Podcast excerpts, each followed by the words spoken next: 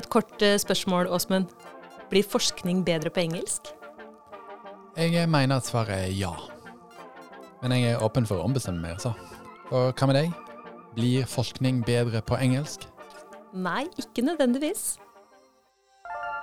Dette rører jo ved et eget viktig og interessant prinsipielt spørsmål. Det er jo faktisk en læringsprosess også. Man blir bedre etter hvert. vi som forskere og akademikere har et eh, ansvar.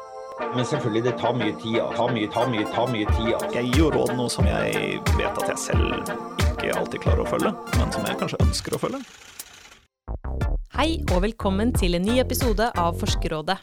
Her i studio sitter jeg, Lina Ingeborg, sammen med Åsmund Eikenes, og vi tar opp viktige tema for unge forskere på jakt etter spennende historier og gode råd. Dag er temaet akademias rolle når det gjelder å bevare og videreutvikle norsk som fagspråk. For Stortinget vedtok i fjor tidenes første språklov, som slår fast at norsk skal brukes på alle samfunnsområder, og at norsk språk også skal utvikles på alle fagområder. Likevel viser Språkstatus 2021 at utviklinga av språk og terminologi i universitet- og høyskolesektoren er fragmentert, og at engelsk blir stadig mer dominerende. La oss høre hva dagens gjester Hilde Reinertsen og Natalia Kotsjirkova tenker om dette. Hilde, du er forsker ved Senter for teknologi, innovasjon og kultur ved Universitetet i Oslo, og forsker bl.a. på dokumentenes rolle i samfunnet. Du har engasjert deg i språkpolitikk i akademia, bl.a. gjennom Akademiet for yngre forskeres arbeidsgruppe om språk, i Forskerforbundet og redaksjonen i Nytt norsk tidsskrift. Velkommen til deg. Tusen takk. Og Natalia, du er professor ved Læringsmiljøsenteret ved Universitetet i Stavanger. Du jobber bl.a. med barns bruk av medier og teknologier, og sosial rettferdighet i barns leseferdigheter. Velkommen til deg også. Takk. Og begge dere to publis eh, publiserer både på norsk og engelsk. Så aller først først lurer vi på, blir forskning bedre på engelsk? Jeg tror kanskje svaret er ja og nei. Eh, ja, fordi det helt klart er høyere kvalitet i fagfølgevurderingene altså når man kommer på internasjonalt nivå. Forskningsfronten er jo, er der, den er jo internasjonal, den er der ute. Eh, Så man, jeg har i hvert fall selv merket veldig forskjell på når man eh, får tilbakemeldinger fra internasjonale reviewer og redaksjoner, både altså bokforlag og tidsskrittforlag, at man strekkes jo mye lenger. Du får en helt annen liksom, et helt annet løft på det man skriver. Samtidig så er problemet tenker jeg, i sånn språksetting at det norske blir bare et bitte lite case. Man må hele tiden liksom begrunne og forklare ting på en annen måte. Hvorfor er dette relevant? Så veldig mye av liksom det interessante empirien blir kanskje borte. Og da blir jo på en, en måte også forskningen litt dårligere sett fra et norsk perspektiv. Altså for det norske samfunnet så er det kanskje ikke like relevant lenger, selv om det er mer interessant som forskningsmessig eller i forhold til fagutvikling og sånne ting. Så derfor tenker jeg at svaret er ja og nei. Hva med deg, Natalia? Eh, helt enig, egentlig. Eh, jeg tror at presisjonen er større på engelsk. Altså Noen ganger når du skriver på engelsk, så er det at det finnes et um, det eksakte ordet eller konseptet som eh, ble allerede definert uh, fra forskjellige posisjoner eller perspektiver. Så det um, det kan skape um, at du kan da henvende deg til et globalt publikum.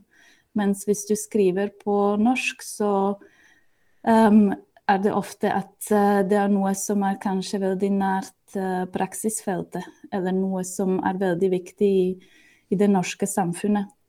Så det varierer i forhold til hvem er egentlig publikum, tenker jeg. Mm. Og hvilke språk publiserer dere mest på? Jeg publiserer kanskje ganske likt eh, på norsk og engelsk. Jeg har i hvert fall prøvd å være veldig eh, bevisst på å publisere både på, på, engelsk og på norsk, og liksom veksle mellom det. Jeg merker at det, eh, begge deler blir bedre av det. At man jobber med en sånn konstant oversettelse da, eh, mellom eh, språkene og mellom ulike målgrupper, som Natalia sier. Det handler jo veldig mye om det. Altså, det er litt u... Um, litt, litt, kunstig kan så skille mellom publisering og formidling. Det handler mer om at man formidler forskningsresultater og innsikter, analyser og perspektiver, i hvert fall i samfunnsfagene, humaniora, til ulike målgrupper på ulike språk eller ulike måter, ulike formater. Uh, vel så mye som at det enten er det internasjonal publisering, eller så er det på en måte forskningskommunikasjon på norsk. Det er litt fint å bryte opp den i liksom flere, ja, flere spektre, da. Hva med deg, Natalia? Hvordan ser publisering og språkvalget ut for deg? Ja, det er nok uh, hovedsakelig på engelsk for meg. Uh, men uh, hvis artikkelen har direkte konsekvenser for det norske skolesystemet eller norsk utdanningssektor, så velger jeg et norsk tidsskrift. Ja. Um, og så prøver jeg også å skrive litt blogger på norsk som oppsummerer funnene fra min eller kollegers forskning på området. Ja. Jeg hadde Så det er et strategisk valg, da. Et viktig strategisk valg for å sikre at det blir lest og brukt og blir del av den relevante diskusjonen. Mm. Men jeg hadde lyst til å snu på det og høre med dere hvilke språk dere tenker på. Fortell, Natalia. Er, hva er tankespråket ditt når du tenker på forskninga di? Ja, altså uh, Svaret mitt er litt kanskje rart, men jeg tenker egentlig i bilder. Eh, men uh, hvis jeg tenker på jobb, så er det engelsk som regel. Og hvis jeg tenker på noe privat, så er det enten slovakisk, som, som er morsmålet mitt, eller norsk eller spansk. Um, så Ja. det, det varierer litt av um, konteksten. Og en god miks. Artig at du slengte bilder inn i det, som en, eh, et femte språk på et vis. Hva med deg, Hilde? Åh, det er et veldig godt spørsmål. Hvor tenker jeg best på? Jeg, jeg har jobbet ganske mye med å på tenke på begge språkene egentlig de siste årene. Og Det var litt sånn aha-opplevelse jeg hadde da jeg var student eh, et år i USA.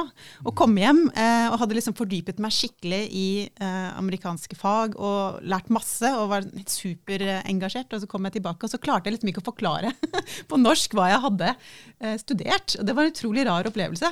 Jeg hadde ikke et språk for å måtte uttrykke det. da. Eh, Jeg hadde jo alt i hodet, men eh, det kom liksom ut på engelsk. Eh, og Det var veldig underlig, så derfor har jeg vært veldig sånn opptatt av senere å passe på at jeg liksom har, sånn, ja, har de parallelle språkene.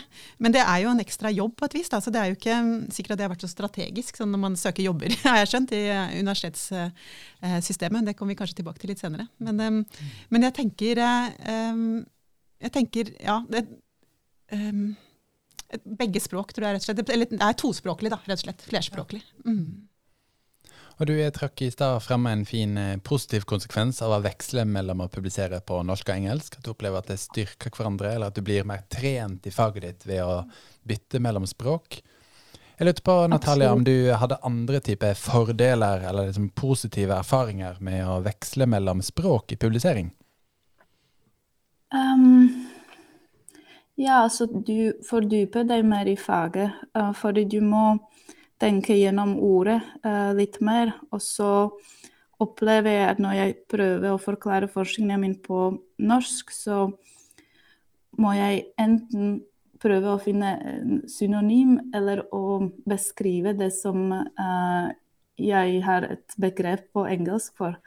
Så det betyr at da må jeg tenke gjennom er dette det jeg egentlig mener, eller er det noe annet. Og så hjelper det meg å tenke gjennom forskningen. Uh, så jeg synes den ekstra jobben som du må ha uh, med å uh, skrive på både engelsk og norsk, så er det egentlig veldig, veldig verdifullt. Det, ja, det, de beriker hverandre. Kan jeg hoppe inn her litt før vi går videre? Eh, For jeg synes akkurat det er et utrolig fint poeng. Jeg tror det er veldig viktig at de beriker hverandre. For jeg merker selv hvis, um, hvis jeg har jobbet på engelsk en stund, da, med å måtte skrive på engelsk, lest mye på engelsk og på en jobbet, jobbet eh, liksom fordypet meg um, litt på egen hånd, så er det eh, det å skulle forklare det til noen andre, enten det er studenter eller, um, eller folk i praksisfeltet, eller bare familie og venner, så er det nettopp den å, finne ord som på en måte matcher og som passer. Det er ikke alltid at det er så lett. Og det, den jobben det er å liksom finne, finne ut hvilke norske ord er det som har en sånn egen eh, betydning, som er liksom ekstra fin i denne sammenhengen. Og så prøve å finne hva, er det engelske versjonen av det, og, og para, motsatt. At det er en sånn jobbing med språket da, i seg selv som er veldig givende, egentlig. Ja, har du noen eksempler på det? Og noen begrep som er vanskelig å oversette?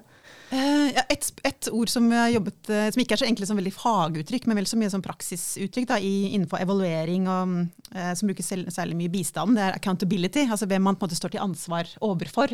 og det engelske ordet er liksom veldig godt og innarbeidet og lett å bruke, alle skjønner det. Men hvis du skal si det på norsk, så blir det nettopp som jeg sa nå, da, liksom litt flere ord, og det er litt sånn krøkkete. Og folk bruker litt forskjellige versjoner, og i Sverige så bruker de ansvarsutjevning, hvis jeg husker riktig. Og i Norge så bruker de ofte ansvarliggjøring, som kanskje ikke er like liksom, presist. Så jeg prøvde å liksom finne noe annet. Det endte opp kanskje med ansvarsplassering. Jeg lurer litt på nå, kanskje er liksom et bedre ord. Men ja, sånne, sånne Ja. type vurderinger. At man liksom finner ut litt hva er det man faktisk mener. Ja. hva er det ordet egentlig betyr. Eh, ja, sånn- særlig ord i sånne eh, som ofte tillegges veldig mye forskjellig mening også av ulike aktører. Så blir de veldig sånne ja, store sekker med litt sånn utvannet betydning.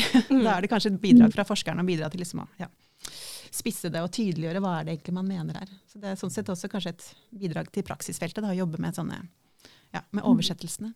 Ja, veldig fint.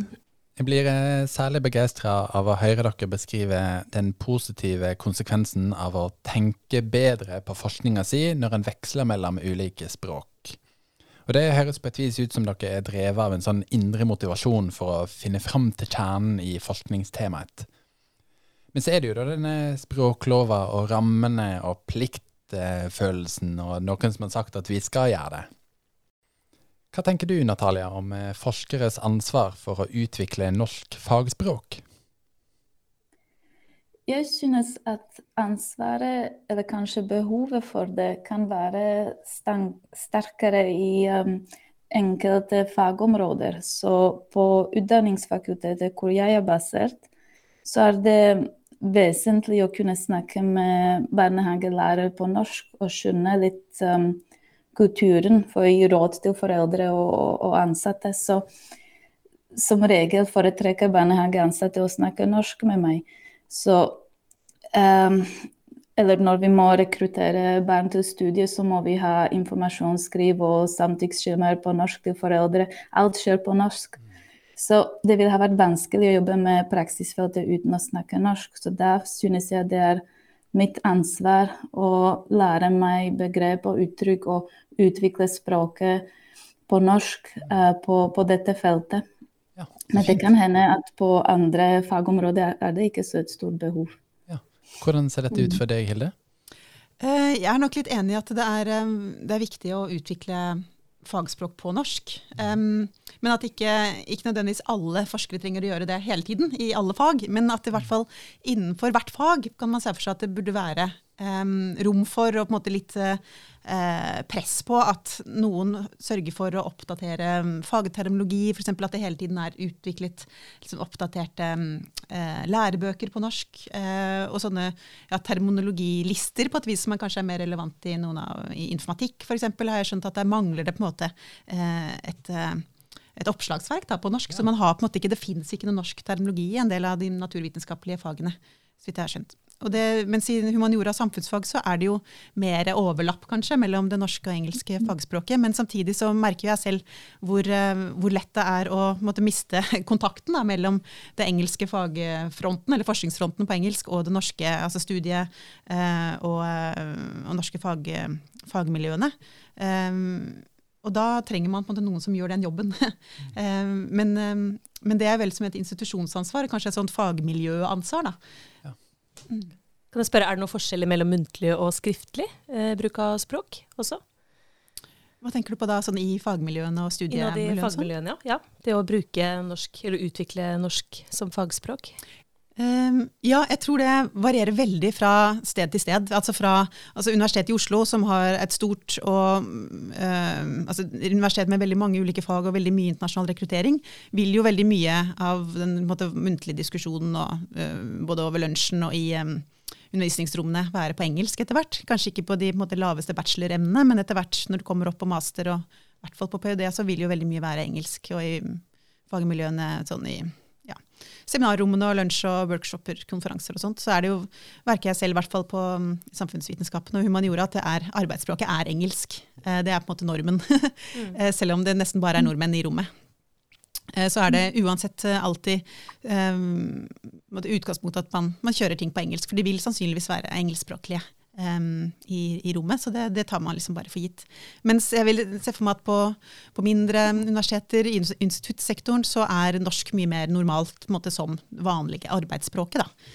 Um, det er det. Ja. Ja. Mm. ja. for du er jo selv i instituttsektoren. Jeg er selv i instituttsektoren, mm. så det, det, var jo en overgang å gå fra universitetet, hvor det er som du sier, veldig vanlig at man snakker engelsk i møter og lunsjen, til å, til å oppleve at man skal snakke på norsk, og at alle må beherske norsk, rett og slett, for å, for å jobbe der. Og ikke minst i det skriftlige arbeidet og det man gjør og publiserer av Mm. eh, skriftlig materiale.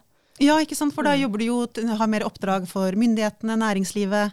Um, og da, da vil det jo være på en, en, en forventning om at det kan bidra også i det, sannsynligvis, når man er ansatt. Mm. Så jeg har hørt historier om, um, om internasjonalt rekrutterte forskere som eh, tar en PD, tar postdoc i Norge, og så har lyst til å sikte seg mot instituttsektoren, og så forstår de eh, litt for sent at da burde de tidligere ha, kunnet, ha lært seg mer norsk, mens det ikke har vært nødvendig i de jobbene de har hatt på universitetet, eller i på en måte skjæringsfeltet da, med universitetene og instituttsektoren. Så det er jo på en måte et, eh, ja, en litt, sånn, litt ille når den, den innsikten kommer for sent, sånn at du på en måte ikke lenger er eller at du stiller, stiller svakere da, enn en dine konkurrenter til stillingen du er interessert i. Ja. Um, så det er liksom det litt motsatte av man ofte kritiserer på universitetene, at det er for mye engelsk, og det er for vanskelig for norskspråklige å nå opp, uh, fordi man ikke har norsk internasjonal, eh, nei, nok internasjonal publisering. Uh, så det er, jeg tenker det er liksom en viktig del av bildet her at det er et flerspråklig akademia, og at vi har uh, ja, det er ulike måte, behov i ulike deler av, av sektoren. At det ser Mm. veldig ulikt ut forskjellige steder. Mm, absolutt. Eh, her var det motsatt. altså Alle snakker norsk, og så er det en unntak når det blir oversatt til, eh, til engelsk. Så det er ikke mye valg, da. Ja. Men jeg deler gjerne den erfaringa som eh, Betyr det at du opplever deg sjøl som en eh, påtvungen norskspråklig forsker? Ikke påtvunget, det var jo mitt valg. Men uh, fra begynnelsen av var det sånn at uh, norsk er det språket som vi snakker her på senteret, og så må du lære det hvis du vil bli med på møtet og forstå alt som blir sagt. så det varierer sikkert uh, fra senteret til senteret, fra universitetet til universitetet, til og med fra fagmiljø til fagmiljø. Det kan godt hende. Mm. Og kanskje at det er spesielt ved ditt fakultet også, siden dere forsker på, på språk også. Mm, Ja. uh, ja, uh, altså vi jobber med, med barn og sånn. Da har du språkutvikling. Og det er veldig praksisnært forskning, kan du si. Um, men jeg synes det er også noe som jeg er egentlig takknemlig for. Fordi siden jeg ble litt tvunget til det uh, rett fra begynnelsen, så hjalp meg det til å prioritere det. Um, så som sagt, jeg flyttet til Norge i 2019, og hvis jeg ikke har lært meg eh, den første året, så ville det vært kanskje vanskelig å engasjere meg i samfunnsdebatten nå. Så det, det var en um, viktig avgjørelse rett i starten, at dette er noe som jeg må prioritere. Det er mange trekker fram som et viktig argument for publisering på engelsk, særlig for oss unge forskere, er at vi opplever at vi må publisere i forskningsfronten i internasjonale tidsskrift for å nå opp i konkurransen om å få en fast jobb i akademia. Her er det sikkert eh, variasjon mellom fagfelter, men jeg lurte på om dere kunne dele noen erfaringer for hvordan dette ser ut for dere, og hva dere tenker om dette temaet med kravet om internasjonal publisering for å få en jobb, og samtidig ha et ansvar for å utvikle norsk fagspråk. Hilde?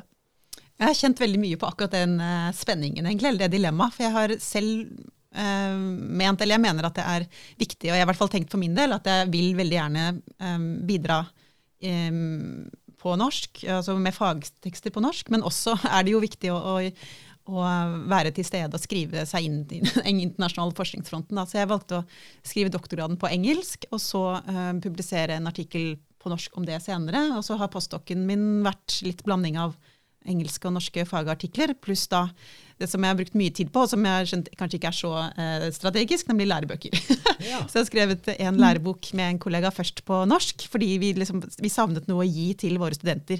Dette handlet da om dokumentanalyse, som ble, som ble en sånn metodekomponent av postdoc-prosjektet mitt.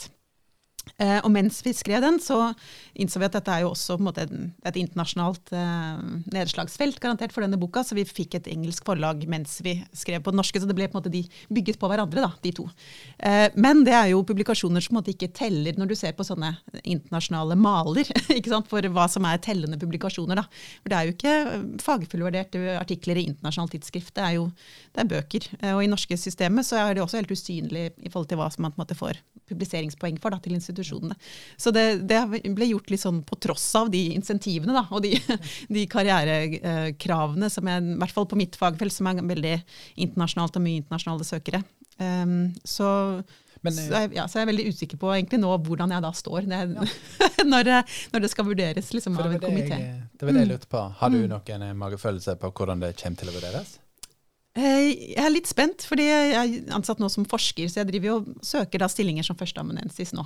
Um, så jeg er i tre ulike bunker på, liksom, på tre ulike fakulteter akkurat nå. Så det, det virker som det er litt ulikt hvordan de vekter de forskjellige tingene. Men foreløpig er det tidlig i prosessen alle tre, så det er vanskelig å vite liksom, hvordan det går. Men, men um, um, det er, det er liksom litt ulike signaler liksom, i stillingsbeskrivelsen. Da, hvor noen er liksom internasjonale tidsskrifter de siste fem årene er veldig sånn, uh, strengt på det, mens et annet uh, institutt var det mer om um, altså bidrag til undervisning, eller det var på en måte uh, mer vekt på det norsk-skandinavisk. da. Um, så det, ja, jeg er veldig spent egentlig på hvordan liksom, disse hvordan det vektes, rett og slett. Hva som blir, ja, hva som blir verdsatt, helt sånn eh, konkret.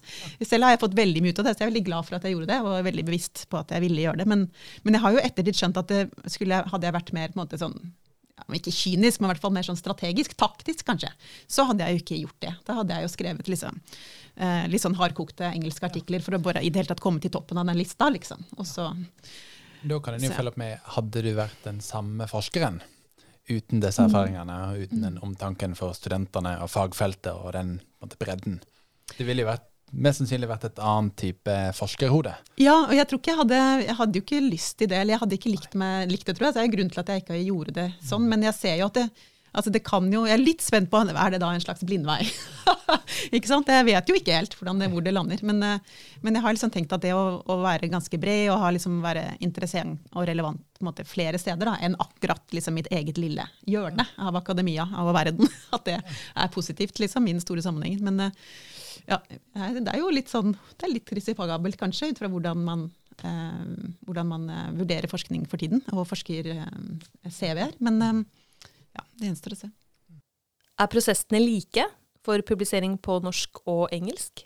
Det er jo, det er, I hvert fall innen humaniora og samfunnsvitenskapene i Norge så er det veldig mange norskspråklige tidsskrifter, som jo også gir eh, publikasjonspoeng. Um, og eh, å publisere der, så kommer du, Det er jo ofte en raskere omdreining, for det er jo et kjempeproblem i en del av de internasjonale tidsskriftene nå for tiden, kanskje særlig etter covid, at det er, eller under covid mange steder fortsatt, at det er en enorm som backlog, at det er så mye forsinkelser. Det tar så lang tid eh, fra du sender inn en artikkel til du da forhåpentligvis måtte få den ut i andre enden. Sånn at det som du på en måte forsket på kanskje var da ganske aktuelt og litt sånn spennende, brennbart akkurat når du skrev artikkelen, for da kanskje to år siden, er kanskje ikke så spennende når du kommer ut. Mens de norske tidsskriftene har gjerne en raskere omdreining, og du kommer på en måte raskere inn og tettere på, da, og, fortere ut i, i den norske eh, altså leserkretsen. da. Um, og, og nettopp som, som Natalia snakket om i sted også, at det er jo litt ulike målgrupper. Så det er jo gjerne da en norskspråklig vitenskapelig artikkel er jo mye lettere å plukke opp for en i forvaltningen eller i næringslivet eller i, i mediene. Uh, så du kommer jo på en måte da raskere inn i, inn i offentligheten og offentlig debatten, og inn i, måte, i praksisfeltet, da, um, hvis du publiserer på norsk. Er det muligens også sånn at man har da en breiere målgruppe hvis man publiserer på norsk, som du var inne på, Hilde? At da er det ikke bare fagfellene man retter seg mot, men kanskje også en større eh, gruppe? Ja, det varierer sikkert veldig mellom de norske tidsskriftene også. Noen er sikkert mer spissete og smale, mens andre er måte, mer lettere overgang måte, til offentlig debatten. Da. Så jeg, jeg, tror det er akkurat som Natalia sier, at man, hva, hva, er det man vil si, og til hvem? og så varierer det da fra måte, veldig smale, sofistikerte, vanskelige internasjonale tidsskrifter via de liksom mer ja, av norske tidsskriftene til de som er mer sånn åpent allmenn. Og da glir det på en måte plutselig over i et essay eller en, på en, måte, en lang kronikk. ikke sant? Så du har liksom grader av, grader av formidling og publisering, kanskje, som, eh, som gjør at det er nettopp hva, hva, er det man vil si, og hvem er det man vil, vil kommunisere med. Og er det viktig å på en måte eh, bidra i en viss fagdebatt, eller har du noen, noen funn eller analyser som er interessante i en spesifikk kontekst, så er det jo veldig fint å rette seg mot det, framfor å tenke på en måte, ok, hva er lurt altså noen litt sånne vage, vage parametere man har med seg om, om, um, om hva man bør gjøre. Um, jeg, treng, jeg, ja, jeg, tror Natalie er helt enig med deg. At det er, det er, viktigere å tenke hva man vil med forskningen, og hvem man vil kommunisere med, enten det er analytisk, på, teoretisk, eller det er om empirien man sitter på, eller et, noe som er viktig i praksisfeltet. Eller, ja, det er, mm. En litt sånn stor tredimensjonal eh, boble man må ja, eh, navigere der. Men det som jeg savner egentlig, er eh, belønningsmekanismer for eh, dette med medieformidling. Fordi det blir så mye snakk om eh, impacten, som vi sa innledningsvis. Men det finnes ikke nok belønning, hvis du vil, i det norske akademiske systemet når det gjelder medieformidling. Og det er jeg både på medieformidling gjennom TV, avis, podkaster eller kronikker eller blogger. Altså det finnes jo ulike typer av formidling. Um, så det er kanskje noe å vurdere òg. Altså, hvis du lager sånn en kommunikasjonsplan, uh, så for meg er det veldig viktig å ha ulike uh, kanaler, slik at du når de forskjellige målgruppene. Tenker du, er det også sånn at det er behov for eh, flere insentiver for å publisere på norsk også?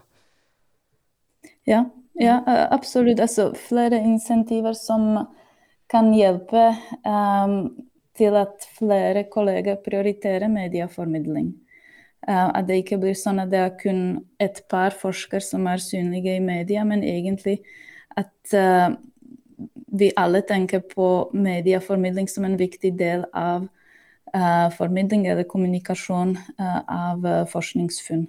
Og da kan du snakke om igjen å publisere både på norsk og engelsk, at vi prøver å skrive blogger både på norsk og engelsk, og igjen artikler både på engelsk og norsk. Så det, det som jeg savner, kanskje er litt sånn mangfold i forhold til uh, disse ulike kanalene som, uh, som finnes. Um, jeg har også sett litt sånn en uh, rart fenomen til, at noen tidsskrifter som teller som nivå to i Norge, men som internasjonalt er ikke uh, verdsatt så mye, eller de ikke, er, de ikke har en veldig stor impactfaktor, uh, så finnes det veldig mange norske som publiserer akkurat i den tidsskriften. Og da er det litt uh, Ja, at du egentlig snakker kun de norske igjen, i stedet for å ha en internasjonal debatt. Så jeg tror vi må passe på at det ikke blir sånn at um, ja, at hele strategien om publikasjon blir styrt av publiseringspoenget.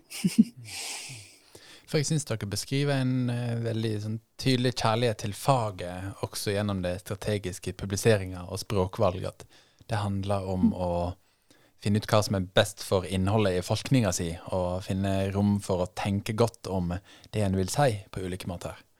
Hvilke råd har dere til unge forskere om valg av språk?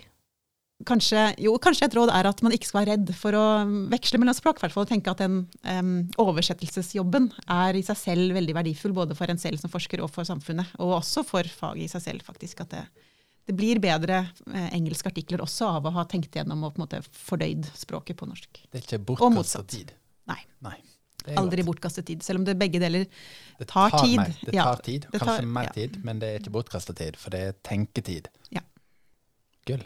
Hva med deg, Natalia? Har du et råd til en ung forsker som er, har lyst til å teste litt ulike språk i tanker og i akademisk publisering? Hmm. Um, vet ikke om du ser at jeg nikker så voldsomt, fordi jeg jeg er så enig i det som ble sagt. Um, kanskje et råd til uh, forskere fra utlandet som begynner Ja. i Norge. Um, når jeg begynte, altså tre år siden jeg begynte å lære meg norsk, så fikk jeg et råd fra læreren min som sa at um, um, jeg skal snakke norsk når jeg kan, og engelsk når jeg må. Um, Ja. og jeg tror dette gjelder um, absolutt i begynnelsen. Da prøvde jeg virkelig å snakke norsk um, alltid. Eh, selv om det var veldig vanskelig, fordi du prøver jo uh, å bli forstått. Og hvis du ser at folk ikke forstår deg, så går du direkte til engelsken, sant. Men du må prøve rett og slett å uh, ja, snakke norsk når du kan. Uh, men jeg tror at det er kanskje bedre å tenke at du virkelig velger språk avhengig av hvem du snakker eller skriver til, og med hvilket formål. Um, at du ikke ser på språk som svart og hvitt, uh, men som noe som er litt som en fleksibel verktøy som kan være veldig nyttig, um, avhengig av uh, ja, hvordan du bruker det. Det var gode råd. Veldig fine råd. Hilde og Natalia, tusen takk for at dere kom til Forskerrådet. Tusen takk, det var veldig fint å være her. Ja, takk.